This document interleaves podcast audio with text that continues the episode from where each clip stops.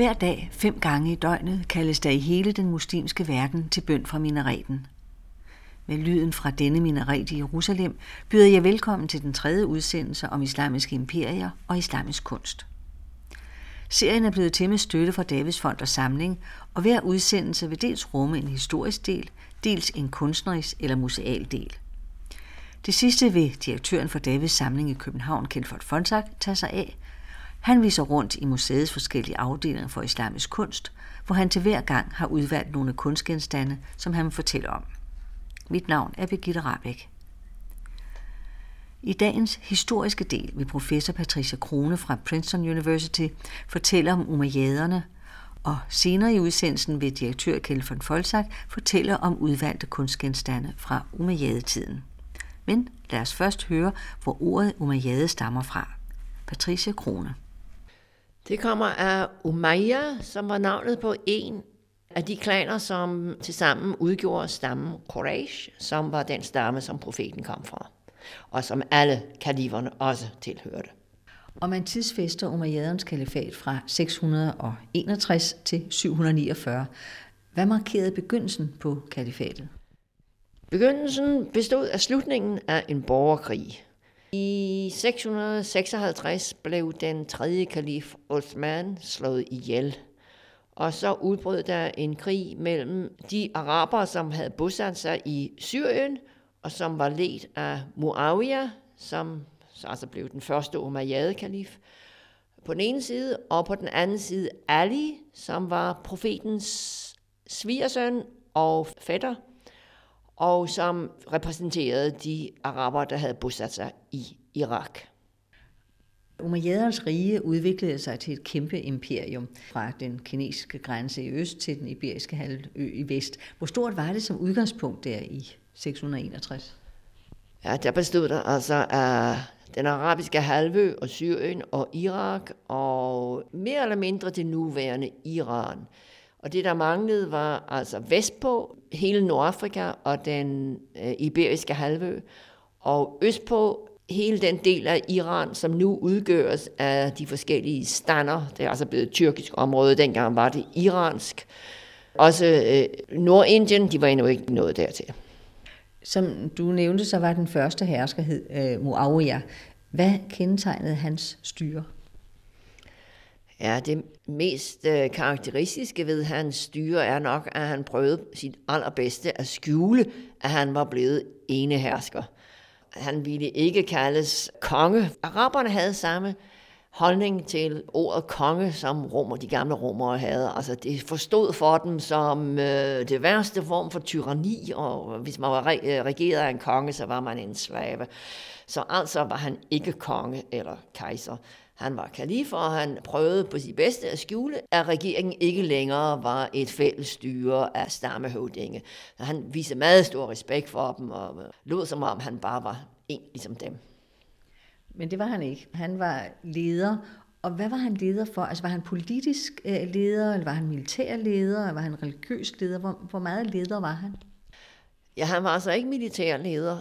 Det er noget andet, der kan karakterisere øh, kaliferne, er, at de ikke er militærledere. Altså selv når de har været militærledere, før de bliver kalifer, i det øjeblik, de bliver kalifer, så holder de op med at gå på kampagner. Og Muawiyah havde øh, deltaget i erobringerne og var blevet guvernør af Syrien, og som guvernør er man øh, blandt, blandt andet militærleder. Men øh, han holder op, altså op med det, da han blev kalif. Derimod var han selvfølgelig politisk leder, og så var han også religiøs leder. Umayyad-kaliferne så sig selv som Guds stedfortrædere her på jorden. Så de repræsenterede altså Gud. Nu var, altså før i tiden, der havde Gud været repræsenteret af en profet. Nu var han repræsenteret af en kalif.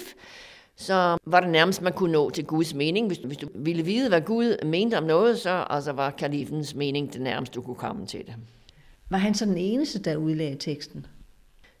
Jeg ved ikke engang, man, har man udlagt teksten specielt, men i kilderne har man beskrivelser af, hvordan kalifen bliver spurgt til råd om lov, altså religiøs lov, om hvordan man skal er ikke bare opkræve skatter, men altså også spørgsmål, hvad angår øh, ægteskab og privatlov i almindelighed. Det er ikke sådan specielt knyttet til, til øh, udlægning af tekster. Det er hans, hans mening som kalif. Men øh, jeg tror, det du er inde på at spørge om, det er altså, hvad var hans forskel og til øh, de retslærte, til ulamærerne, var det det? Ja, hvis, hvis de fandtes på det tidspunkt. Nej, de fandtes endnu ikke. De siger selvfølgelig, at de fandtes. Altså, de siger selv, at øh, de er efterfølgere af profetens disciple. Altså, at de mennesker, som, som kendte profeten personligt, og som øh, hørte, hvad han sagde, de, altså, de huskede, hvad han sagde, som var af juridisk eller moralsk betydning, og at de øh, videregav de øh, udsagn til næste generation, som videregav de den til den næste, som så blev til de retslærte. Som det ser ud fra et øh, historisk synspunkt, altså, altså, der er der ikke rigtig tegn på, at der er nogen retslærte indtil omkring år 680-700, og det ser ud til, at de er opstået i øh, Irak i øh, Kufa og Basra, ja, også, også i Medina og, og Mekka. Men altså i de i forskellige byer, hvor der er stort arabisk bosætning, der ser det ud til, at de er opstået ved, at øh, folk har spurgt hinanden til råds om, hvordan man skulle gøre, hvad var tilladt, og hvordan skal man gifte sig? Kan man gifte sig med en, en kristen? Kan man gifte sig med en jøde? Kan man spise sammen med dem? Og alle mulige andre spørgsmål, som altså opstår, og øh, hvor man ikke sådan lige kan øh, tage toget og besøge kalifen og spørge ham til råds, eller, eller man kunne selvfølgelig have spurgt den lokale guvernør til råds, men han er jo heller ikke sådan at få fat på, og i øvrigt så man kan jo ikke hver eneste gang, man har et spørgsmål, øh, få sig et møde med guvernøren. Nå, så spørger man altså sine venner og sine bekendte og sine naboer til råds, og blandt dem opstår der sig folk, der er bedre til at besvare spørgsmål end andre, som har tænkt dybere over det, og de bliver så til fremtidens retslærte. Og øh, man har dem faktisk også i Syrien, og øh, det ser ud til, at i et stykke tid, og især øh, øh, i nogle steder, var der ingen problemer. Der var ingen rivninger mellem øh, kalifen og de retslærte. Men øh, i Irak øh, blev det hurtigt til rivalitet. Altså, de retslærte ville ikke længere anerkende kalifen som øh, Guds sted for, for træet. De mente, at de selv var profetens efterfølgere, som de så det. Øh, Gud havde ikke nogen øh, stedfortræder her på jorden, og øh, kalifen var bare profetens efterfølger, rent politisk, og at de selv repræsenterede profetens efterfølgere rent religiøst. Hvordan vil du beskrive den form for islam, der blev praktiseret på det tidspunkt, hvor man jo endnu ikke talte sunni-shia? Det er svært at sige, hvad for en form for islam umayyaderne repræsenterer, fordi vi har ikke nogen direkte kilder om det. Og vi har ingen kilder om det, fordi det er en gammel form for islam, som ikke længere består, og som øh, vi kun ville kunne øh, øh, rekonstruere, hvis vi havde kilder fra Umayyad Syrien eller Umayyad Irak. Syrien ville have været det bedste, men det har vi altså ikke. Altså vores kilder begynder først at blive skrevet ned omkring år 760-800, det efter der har været en revolution, som ganske forandrede det muslimske samfund.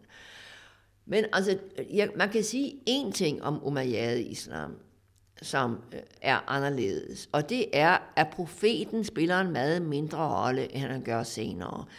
Umayyaderne, de tænkte først og fremmest på Gud, på Gud uden mediation af profeten. De var selvfølgelig troede på profeten og mente, at han var meget, meget vigtig, men altså, der havde været så mange profeter, og Muhammed var den sidste, og selvfølgelig han var araber, og derfor øh, mere vigtig end andre profeter.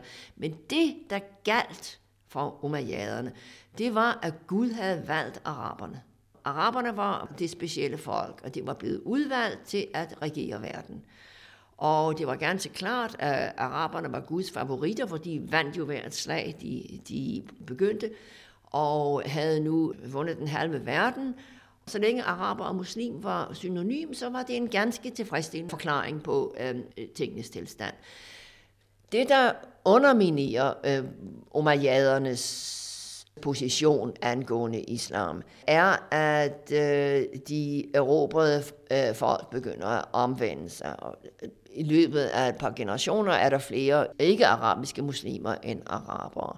Og for dem er det ikke særlig tilfredsstillende at vide, at øh, araberne er øh, øh Guds favoritter, og alle andre er, øh, er mindre rang. Det er heller ikke nok for dem bare at, at, at eftertrykke, at der kun er én Gud, fordi det siger de kristne og de jøderne jo også. Og, altså, at der kun er én Gud, det er den første del af den islamiske troserklæring. Den kunne enhver øh, jøde og kristen også skrive under på. Hvad er det så, der gør den store forskel? Ja, det er, altså, at den eneste Gud, der eksisterer, har talt til menneskeheden igennem profeten. Så profeten er det, der adskiller øh, muslimerne fra de andre monoteister, og det er profeten, som bliver meget øh, vigtigere, jo længere vi når hen i, i, i tiden. Og øh, der kan man sige, at, at i 740'erne eller 750 eller, bliver øh, umayyaderne udskiftet af et andet dynasti. Efter det kan man se, altså, at profeten får en ny øh, betydning. Hvor sammentømret var Umayyad-kalifatet? For det kunne ikke have været nemt med de kommunikationsmidler, man havde dengang, at holde styr på sådan et kæmpe rige. Nej, mange vil nok sige, at Umayyad-kalifatet det var faktisk en federation af provinser, som var næsten øh, uafhængige. De var ikke helt uafhængige af hinanden, men altså øh, Ægypten for eksempel bliver styret af en egyptisk guvernør, og kalifen har ikke meget at sige øh, i det. Det forandrer sig lidt i løbet af Umayyad-tiden. Det bliver mere og mere koordineret og mere centraliseret i løbet af Umayyad-tiden. Men altså, i al almindelighed må det siges, at øh, det var en federation. Hvad man må også må sige, er, at der er overhovedet ikke nogen fare i Umayyad-tiden for, at den federation vil opløses. Fordi øh, det, der holdt den sammen, det var det lille lag af arabiske erobrere, som øh, var til stede altså, øh, fra øh, den iberiske halvø til det nuværende Pakistan, og som havde en meget stærk følelse af at høre til et andet sted, og at de hørte sammen med deres, med de andre araber. Altså, du sad i Spanien, og, men altså, du, de tilhørsted, det var øh, i Arabien. Og øh, det kunne ikke falde nogen af dem ind at øh, gøre sig uafhængige og dermed afskære sig fra deres, fra deres de andre araber og øh, gøre fællesskabene med alle de der IB'ere, eller hvad det nu end var, eller iranere, eller hvad det nu end var, som der var. Så at holde sammen på kalifatet var ikke svært. Der var heller ikke nogen oprør. Øh, efter 660'erne eller deromkring, er der ikke, heller ikke nogen oprør af de øh, erobrede befolkninger. Så sammen, at holde sammen på det var, var, var ikke svært for umayyaderne. Og hvordan finansierede man det? Altså man havde jo nogle kæmpe prestigebyggerier som Umayyad-moskeen i Damaskus og Klippe-moskeen i Jerusalem, og plus man jo stadigvæk havde felttog. Hvor kom pengene til det fra? De kom fra skatter, ligesom alle andre stater gør. Men øh, jeg tror, hvad du vil ind på, det er, hvad var forholdet mellem skatter og religion? Der kan man nok sige, at i, i det meste af Umayyad-tiden, øh, der betaler erobringsfolket selvfølgelig der ikke skatter. For det første, det gør Europa jo ikke. De får deres penge fra dem, de har erobret. Og for det andet, så var det i, i præislamiske Arabien betragtes det at betale skat som en udmygelse. Altså, hvis du betalte skat, det viste, at du ikke kunne holde dig selv uafhængig. Så araberne betalte ingen skatter, og det gjorde de øh, erobrede folk. Og det var så fint, men det var i det lange løb, kunne det ikke holdes, fordi det, der gør det meget svært for umayyaderne i det lange løb, det er for det første, at folk øh, omvender sig til islam, og for det andet, at øh, araberne erhverver sig land. Og i det øjeblik, øh, at øh, araberne erhverver sig land og ikke betaler skat, så får øh, kaliferne ikke penge nok. Og altså er det klart, at man bliver nødt til at lave om på det, og den, den øh, klassiske løsning er, at jordskatte, den er religiøst neutral. Den betales af alle og enhver, ligegyldigt om de er muslimer eller ikke muslimer. Og at der er en anden skat, som betales kun af dem, som ikke er muslimer, og den hedder jizya, og er en kopskat, og øhm, den var udmygende, så altså, alle fik at vide, at det kun er det at betale jizya, der var udmygende, ikke at betale en jordskat. Men det tog altså lang tid før, at den øh, løsning øh, kom igennem. Hvilke sprog blev der talt på det her tidspunkt? Altså, araberne selv talte selvfølgelig arabisk. Og alle, som blev muslimer, blev arabisktalende. Der er kun et sted, hvor øh, muslimerne beholdt deres eget sprog, og selv, altså selv araberne blev, blev så blandet op med dem, blandet med dem, at øh, de begyndte at tale et lokalt sprog. Og det var i øh, Øst-Iran. Der var en meget stort arabisk øh, koloni i, i den by, der hed Marv, som er nu er i Turkmenistan, og som dengang altså var, var Iran. Og øh, de er jo ret meget, meget langt væk fra alle de andre arabere. Og øh, i, i den provins, altså Khorasan, som den hed, der talte alle persisk ligegyldigt, om de var muslimer eller ikke muslimer. Ja. Hvad er en forklaring på det? Fordi de var jo ikke så langt væk fra araberne, som nordafrikanerne for eksempel var, og de blev jo arabiseret.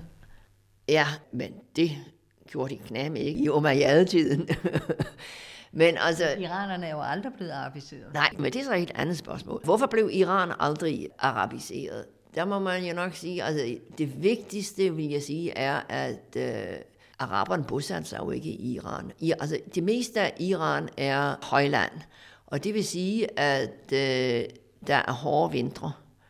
Og araberne kunne ikke bare flytte ind med deres dyr. Deres dyr er ikke, de kunne nok selv overleve, men altså deres dyr, deres dyr kunne ikke. Og det vil sige, der hvor de bosætter, bosætter sig, det er der, hvor, hvor deres øh, kameler og deres øh, får og så videre øh, kan overleve. Undtagen er selvfølgelig der, hvor, de, hvor araberne laver garisoner, der er det jo ligegyldigt, der skal de med, med dyrene. Men de bryder sig ikke om øh, den form for højland, og de øh, mennesker, som, som kæmpede sig som soldater, i, altså, altså blev sat som garnisoner, øh, det, det iranske højland, de har efterladt sig digte om, hvor forfærdeligt koldt det var. så øh, der var ikke så mange araber i, i Iran, som der var andre steder. Derudover så må man jo nok sige, altså, at øh, sproget er jo så ganske anderledes end, end syrisk. Syrisk er jo beslægtet med arabisk, og de har nok gjort det noget nemmere at blive arabisk-talende. Så havde iranerne jo også, ja, det er svært at afgøre, hvor høj grad det spiller en rolle, men altså iranerne havde jo en lang levende litterær og politisk tradition. De var så meget bevidste, at de, at de ikke var arabere. På det her tidspunkt øh, hører man jo ikke meget til Mekka og Medina. Er de helt glædet ud af historien? Ej, ideologisk havde de jo enorm betydning, men politisk, ja, der er de glædet ud. Der var altså et forsøg for at få dem tilbage igen. Da den første Umayyad kalif Muawiyah døde og blev efterfulgt af sin søn Yazid, så var der en rebel i Arabien ved navn Ibn Azubair. Han sad i Mekka, men var også støttet af medinenserne. Han ville have, at hovedstaden skulle komme tilbage til The Hijaz, som den del af Arabien hedder. Og øh, han havde mange øh, tilhængere uden for Arabien, især i Irak, men også øh, øh nogle i selv i Syrien og ville nok være blevet den næste kalif, hvis han havde været villig til at forlade Arabien. Det ville han ikke, for hele hans idé var jo netop, altså, at Arabien skulle være det politiske hovedpunkt igen, og hele problemet var netop, at man kunne ikke regere et kejseri eller et imperium fra, fra noget sted i Arabien. Altså Arabien er i kulisserne, og, og centrum er øh, der, hvor pengene, og der, hvor ærebruget, og der, hvor der er stor befolkning, og det er i Nærøsten uden for Arabien. Mekka og Medina, de blev, øh, øh, som sagt, altså ideologisk holdt de aldrig op med, med at være øh, enormt betydningsfulde, men politisk havde de ingen betydning mere.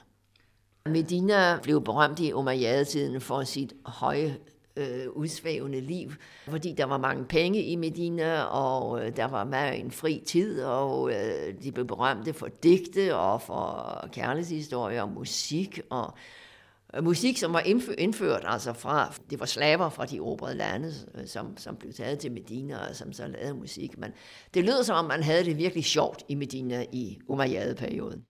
Hvis vi ser på sådan nogle andre lidt mere immaterielle øh, ting, hvordan stod det så til med, med videnskab, for eksempel under umayyaderne? Umayyaderne er ikke kendt for deres støtte af videnskab. De var interesserede i øh, arabisk digtning, og, i, og de samlede noget, fik noget af det samlet. De var også interesserede i arabisk historie, og de sidste af umayyaderne begyndte at blive interesserede i herskerkunsten, som praktiserede af perserne, og fik noget oversat.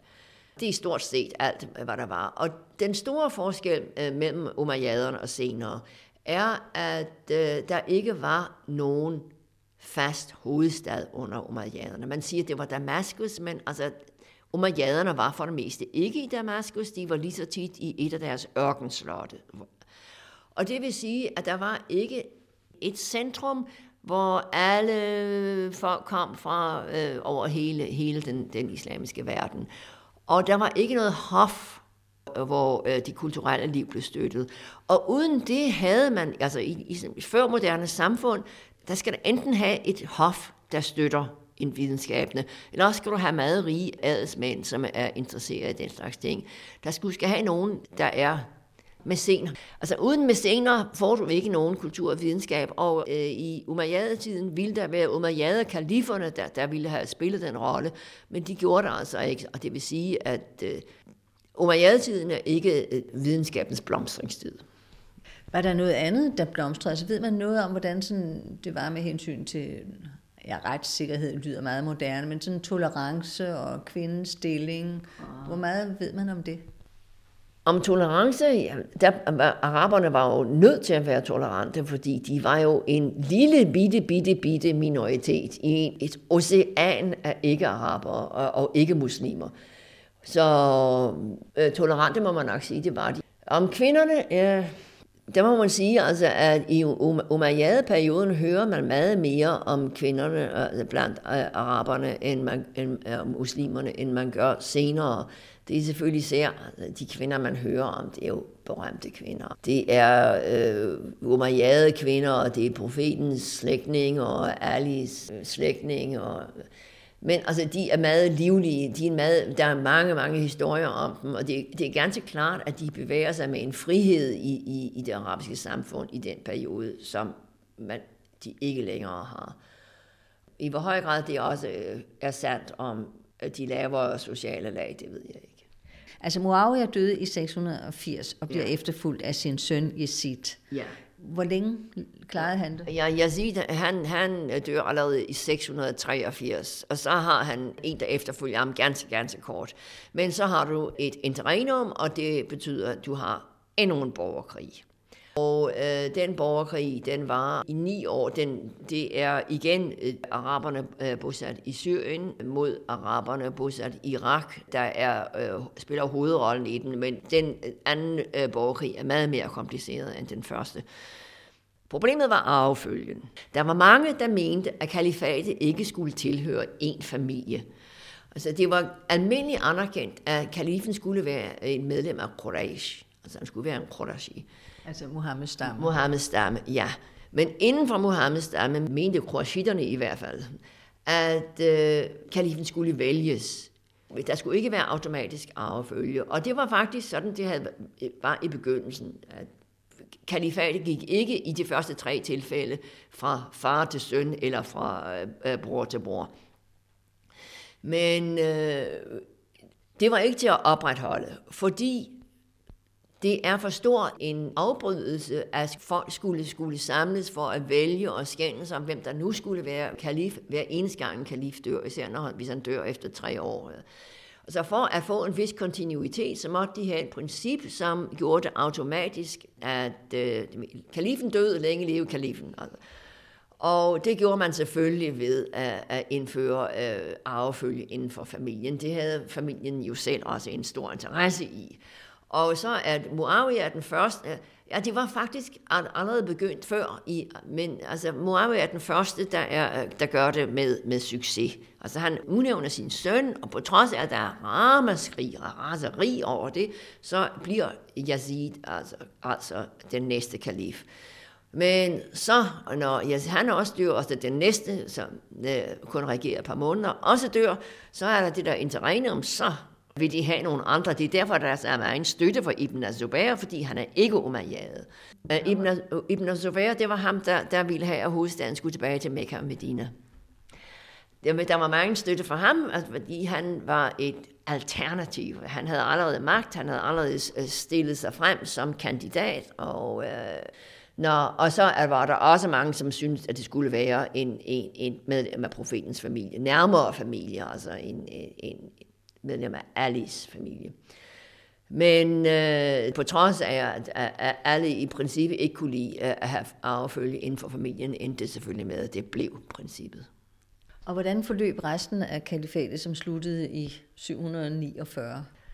Ja, og der var ikke flere borgerfri, borgerkrig indtil 744, men altså det var, det var nummer, borgerkrig nummer tre. Det er altså ganske utroligt, når man tænker på det, at araberne, de erobrer det halve verden, og inden for de næste 100 år øh, udkæmper de tre borgerkrige, uden at øh, der sker dem nogen skade. Altså i den forstand, at de splitter ikke op, øh, og øh, deres øh, erobrede befolkninger laver heller ikke øh, øh, revolter, og byzantinerne og sassaniderne kommer heller ikke tilbage.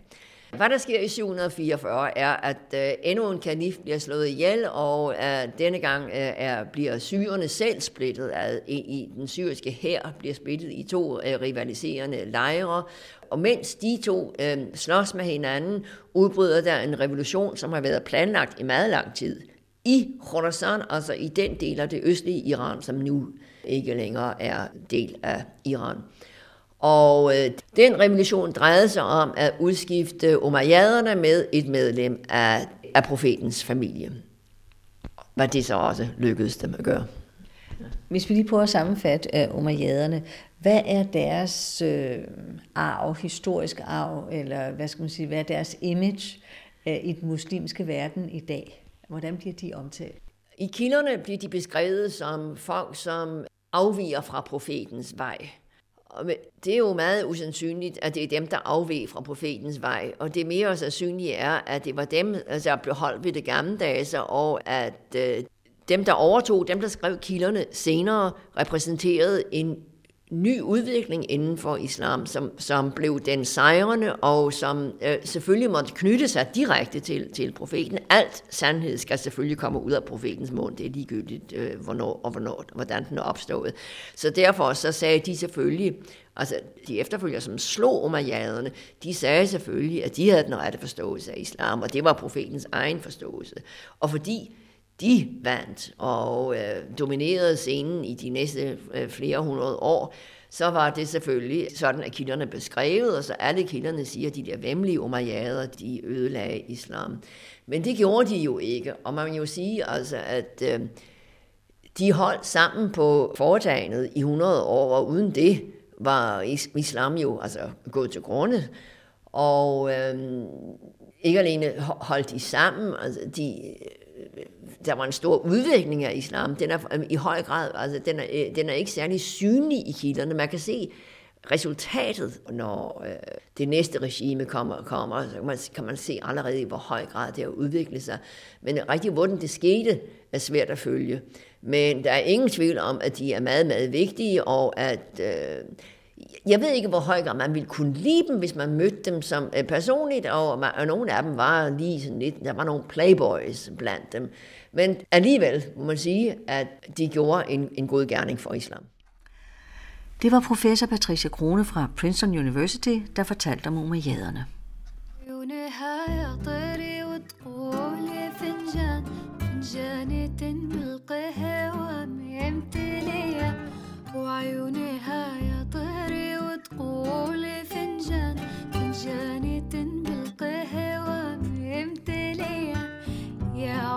عيونك سود وحلوة يا عيونك سود وحلوة يا عيونك يا عيونك يا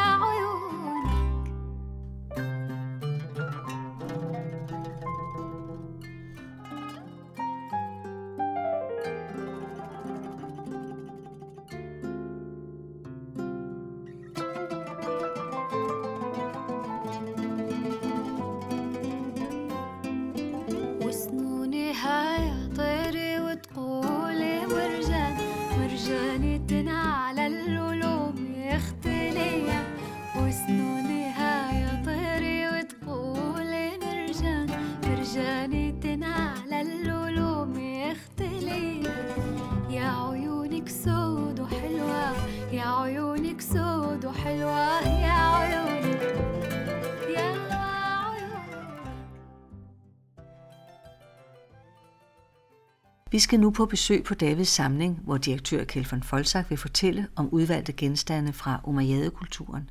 Men først spørger jeg. Direktør Kjeld Folsak, professor Robert Hillenbrand siger i sin bog om islamisk kunst og arkitektur om Umayyadekunsten, at den havde tre gennemgående karaktertræk. Den er eklektisk, eksperimenterende og propagandistisk. Er det en øh, karakteristik, som du kan tilslutte dig? Og hvad betyder eklektisk, inden vi går i gang? Jeg vil sige, øh, for nu at svare på det første spørgsmål, øh, så vil jeg sige både ja og nej. Jeg vil sige, at det er en ting, at eklektisk og eksperimenterende er på sin vis to sider af samme sag. Når øh, Hildenbrand siger eklektisk om umayyadekunsten, så er det jo et udtryk for, at man tager elementer fra forskellige kulturer, altså udvælger, det er det, der ligger i eklektisk, udvælger elementer fra forskellige kulturtræk og blander dem sammen til noget, som nogen ville kalde en pastiche eller en efterligning, altså betragtet som noget uoriginalt. Når han så samtidig siger eksperimenterende, øh, så vil jeg jo sige, at det ligger jo sådan set næsten i den eklektiske metode. Øh, på den måde, at når man ikke har fundet sin egen helt sikre stil selv, jamen så er man jo af gode grunde også eksperimenterende. Og det må jo siges at være den mere positive side af det overvejende negativt ladede udtryk eklekticisme, altså det der, man efterligner. Og det sidste, han så siger, det er propagandistisk, og jeg ved ikke, om man kan sige, at den umayyadiske kunst er mere propagandistisk, end kunsten er i andre perioder i den islamiske kultur. Men det er jo rigtigt, at det er på det tidspunkt, at man begynder at lade skriften, altså religiøse udsagn af den ene eller den anden karakter, som vi skal se om lidt i øvrigt, træde frem. Så man kan sige, der, der ligger altså dette, at man bruger den arabiske skrift og bruger den til at forkynde den ene sande Guds budskab, er propagandistisk. Men det gør man altså også i alle andre øh, perioder. Og skal vi så se på ja. de øh, kunstgenstande, som du har udvalgt? Ja, det må jo siges, altså, når man udvælger tre-fire kunstværker til hver udsendelse, så bliver det jo altid et lidt mærkeligt, eller et lidt tilfældigt udvalg. Sådan, sådan må det nogle gange være. Og jeg har selvfølgelig prøvet at finde nogle ting, som jeg synes karakteriserer perioden, og samtidig prøve at finde genstande, som måske ikke øh, er duplikater, så jeg taler om de samme, øh, den samme type øh, genstande hele vejen igennem. Men det tekstil, som jeg har øh, udvalgt her, det er et øh, ganske enkelt tekstil, som i virkeligheden blot består af kædetråde og skudtråde, som skiftevis krydser ind over hinanden, altså en af de øh, aller enkleste former for tekstiler, man, man nogle gange kan lave. De øh, danner et mønster af oktagoner, kvadrater, og disse oktagoner og kvadrater er så udfyldt med forskellige andre geometriske former. Det vil sige, at her har man i virkeligheden øh, et tekstil, som er nonfigurativt og på mange måder, selvom det er, meget, altså det er et, et tidligt tekstil fra øh, omkring 700-750, øh, i virkeligheden helt lever op til islams ry om at være non-figurativt. Det skal dog siges i samme åndedrag, at der er egentlig ikke noget specielt islamisk over det her tekstile. Fordi de nærmeste paralleller finder man for eksempel i Umayyadernes ørkenslotte, for eksempel Hirbad al-Mafia fra 740, som selvfølgelig også er islamisk kunst. Og der ser man mosaikgulve med de samme mønstre. Og de mosaikgulve er i høj grad påvirket af gulve, som man finder i øh, romerske, senromerske og byzantinske villager. Så der er altså tale om et formsprog, som i virkeligheden griber tilbage til ældre kulturer, men som samtidig bliver noget af det, der bliver typisk for øh, islamisk kunst sidenhen. Hvor stammer det egentlig fra? Det stammer fra Ægypten. Som så mange andre tekstiler fra den her periode stammer det fra det tørre Ægypten. Ikke fordi det er produceret der, men det er der, de er bevaret. Ved man, hvor det er produceret? Formodentlig i Ægypten. Formodentlig i Ægypten. Men øh, man kan ikke sige det med sikkerhed. Nu talte vi om, om det non-figurative i det her tekstil. Men hvis man går til Kirbat del Mafia, hvor man har disse non-figurative gulve, der har man så samtidig gigantiske skulpturer, som har udsmykket øh, lofterne, kvindelige øh, genier, engle, man kan øh, udlægge dem, som man nogle gange vil, med bare bryster og svulmende hofter, jo noget, som vi slet ikke forbinder med islamisk kunst. Er det paradiset? Jeg tør ikke sige, hvad det forestiller, men det er i hvert fald øh, fremstillet til kalifen, om det er det himmelske eller det jordiske paradis, øh, man har tænkt på, tør jeg ikke svare på. Men det er i hvert fald meget interessant at se, at man i disse fyrsteomgivelser, som kun var beregnet for fyrsten, absolut har figurativ kunst på det her tidspunkt. Og også i en grad, som man ikke ser det sidenhen. Altså skulpturelle øh, fremstillinger af nøgne kvinder, nøgne mænd, specielt nøgne kvinder. Noget tilsvarende kan man se i et andet monument, der befinder sig i, i Jordan, et badehus, der hedder Kasar Amra, hvor der igen er alle mulige øh, rige, rige øh, figurative dekorationer, der både kan have en politisk karakter, også have en sådan mere neutral karakter, men også en eksplicit erotisk karakter. Øh, her går vi så over og ser på et elfenbindspanel fra omkring en 700 til 750. Også det her panel er karakteriseret ved at gribe tilbage til ældre kunst. Det minder meget både om elfenbens- og benpaneler, som man har fundet i Ægypten, altså fra den koptiske kultur, men det kan også minde om paneler, øh, som er udført i øh, Byzans.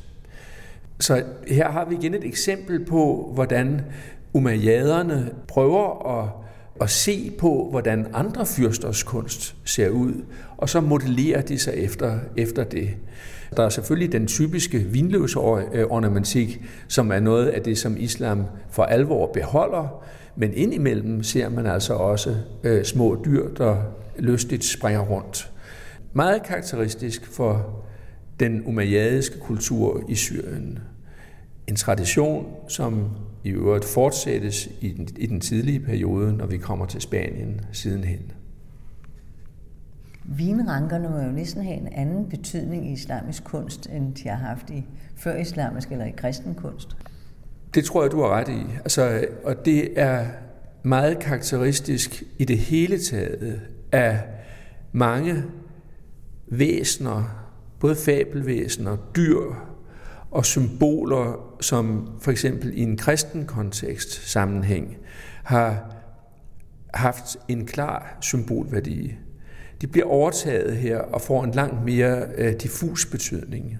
Det er meget muligt, at man kan se vinranken og sidenhen arabesken, som jo bliver øh, et meget karakteristisk islamisk motiv, som en uendelig plante, der kan fortsættes og fortsættes, og dermed sammenlignes med Guds almagt eller Guds uendelighed. Men det er på et meget diffus plan.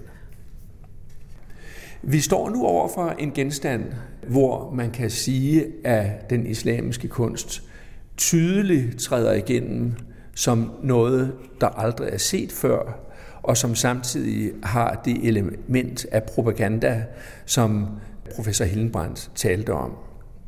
Det er en mønt, en øh, gulddinar fra 78, men den er altså en kopi af den, der blev slået for første gang i 77 efter Hitler, og det svarer altså til 696 efter vores tidsregning. Det er en mønt, som kun har arabisk skrift, og den skrift, eller den ordlyd, som den bringer, er, der er ingen Gud uden Gud, han alene, han har ingen ligemand.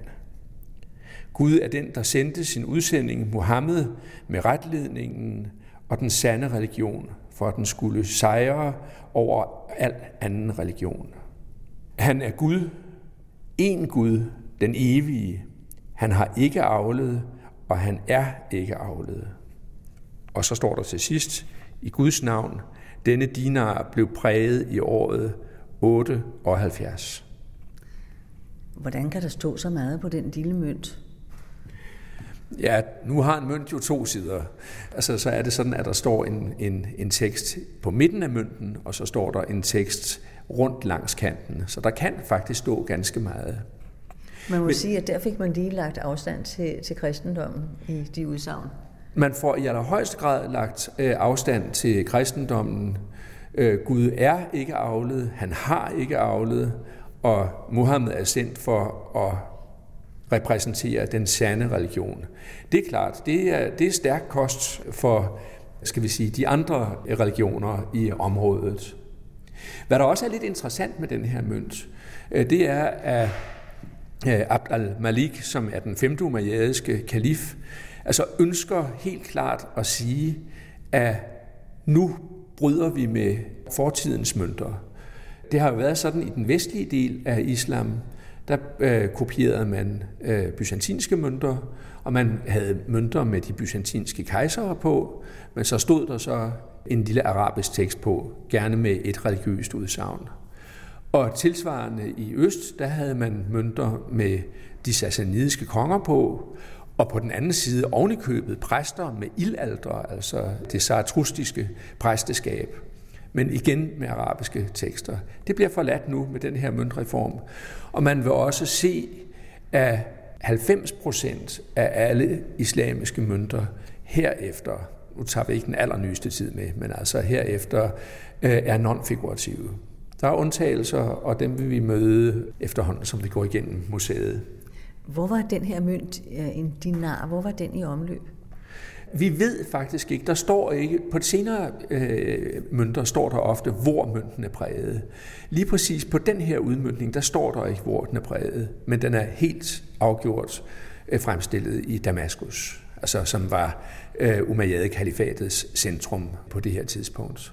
Men masser øh, allerede 50-100 år øh, efter, og også på andre udmyndninger ser man den, men ikke på Guldinaren. Hvor lang levetid havde sådan nogle dinarer? Altså, hvor længe var den samme mønt i omløb? Den samme mønt kunne jo sagtens være i omløb efter at en bestemt kalif eller hersker var død. Men det er nu stort set sådan, som det er i dag, at man smeltede mønterne ned, og da de ofte blev brugt også som propaganda, altså også, skal vi sige, de enkelte herskere imellem. Ikke? Hvis en sultan havde sat den anden fra bestillingen, så satte han gerne nogle skriftlige øh, ind, der ligesom godt gjorde, at det kunne han altså tillade sig, fordi han var Guds udpegede. Ikke? Og sådan er, er, er mønterne helt klart hele islams historie, og i øvrigt hele vestens historie, blevet brugt til at propagere forskellige politiske budskaber. Man kunne så endelig sige, altså, hvorfor er sådan nogle mønter så overhovedet bevaret? Altså, hvad er det, der, hvad er det, der gør, at vi finder mønter fra alle perioder, at de ikke alle sammen er smeltet ind? Og det hænger jo sammen med det, som vi jo kender fra hele verden. Enten er mønter blevet tabt, eller så er de bevidst i urolige tider blevet lagt, så er der har man lagt 100 dinarer ned i en lille krukke øh, og gravet den ned under øh, dørmåtten, og øh, så er vedkommende, der har gjort det, blevet slået ihjel, og ja, så bliver den fundet 2.000 år senere. Ikke?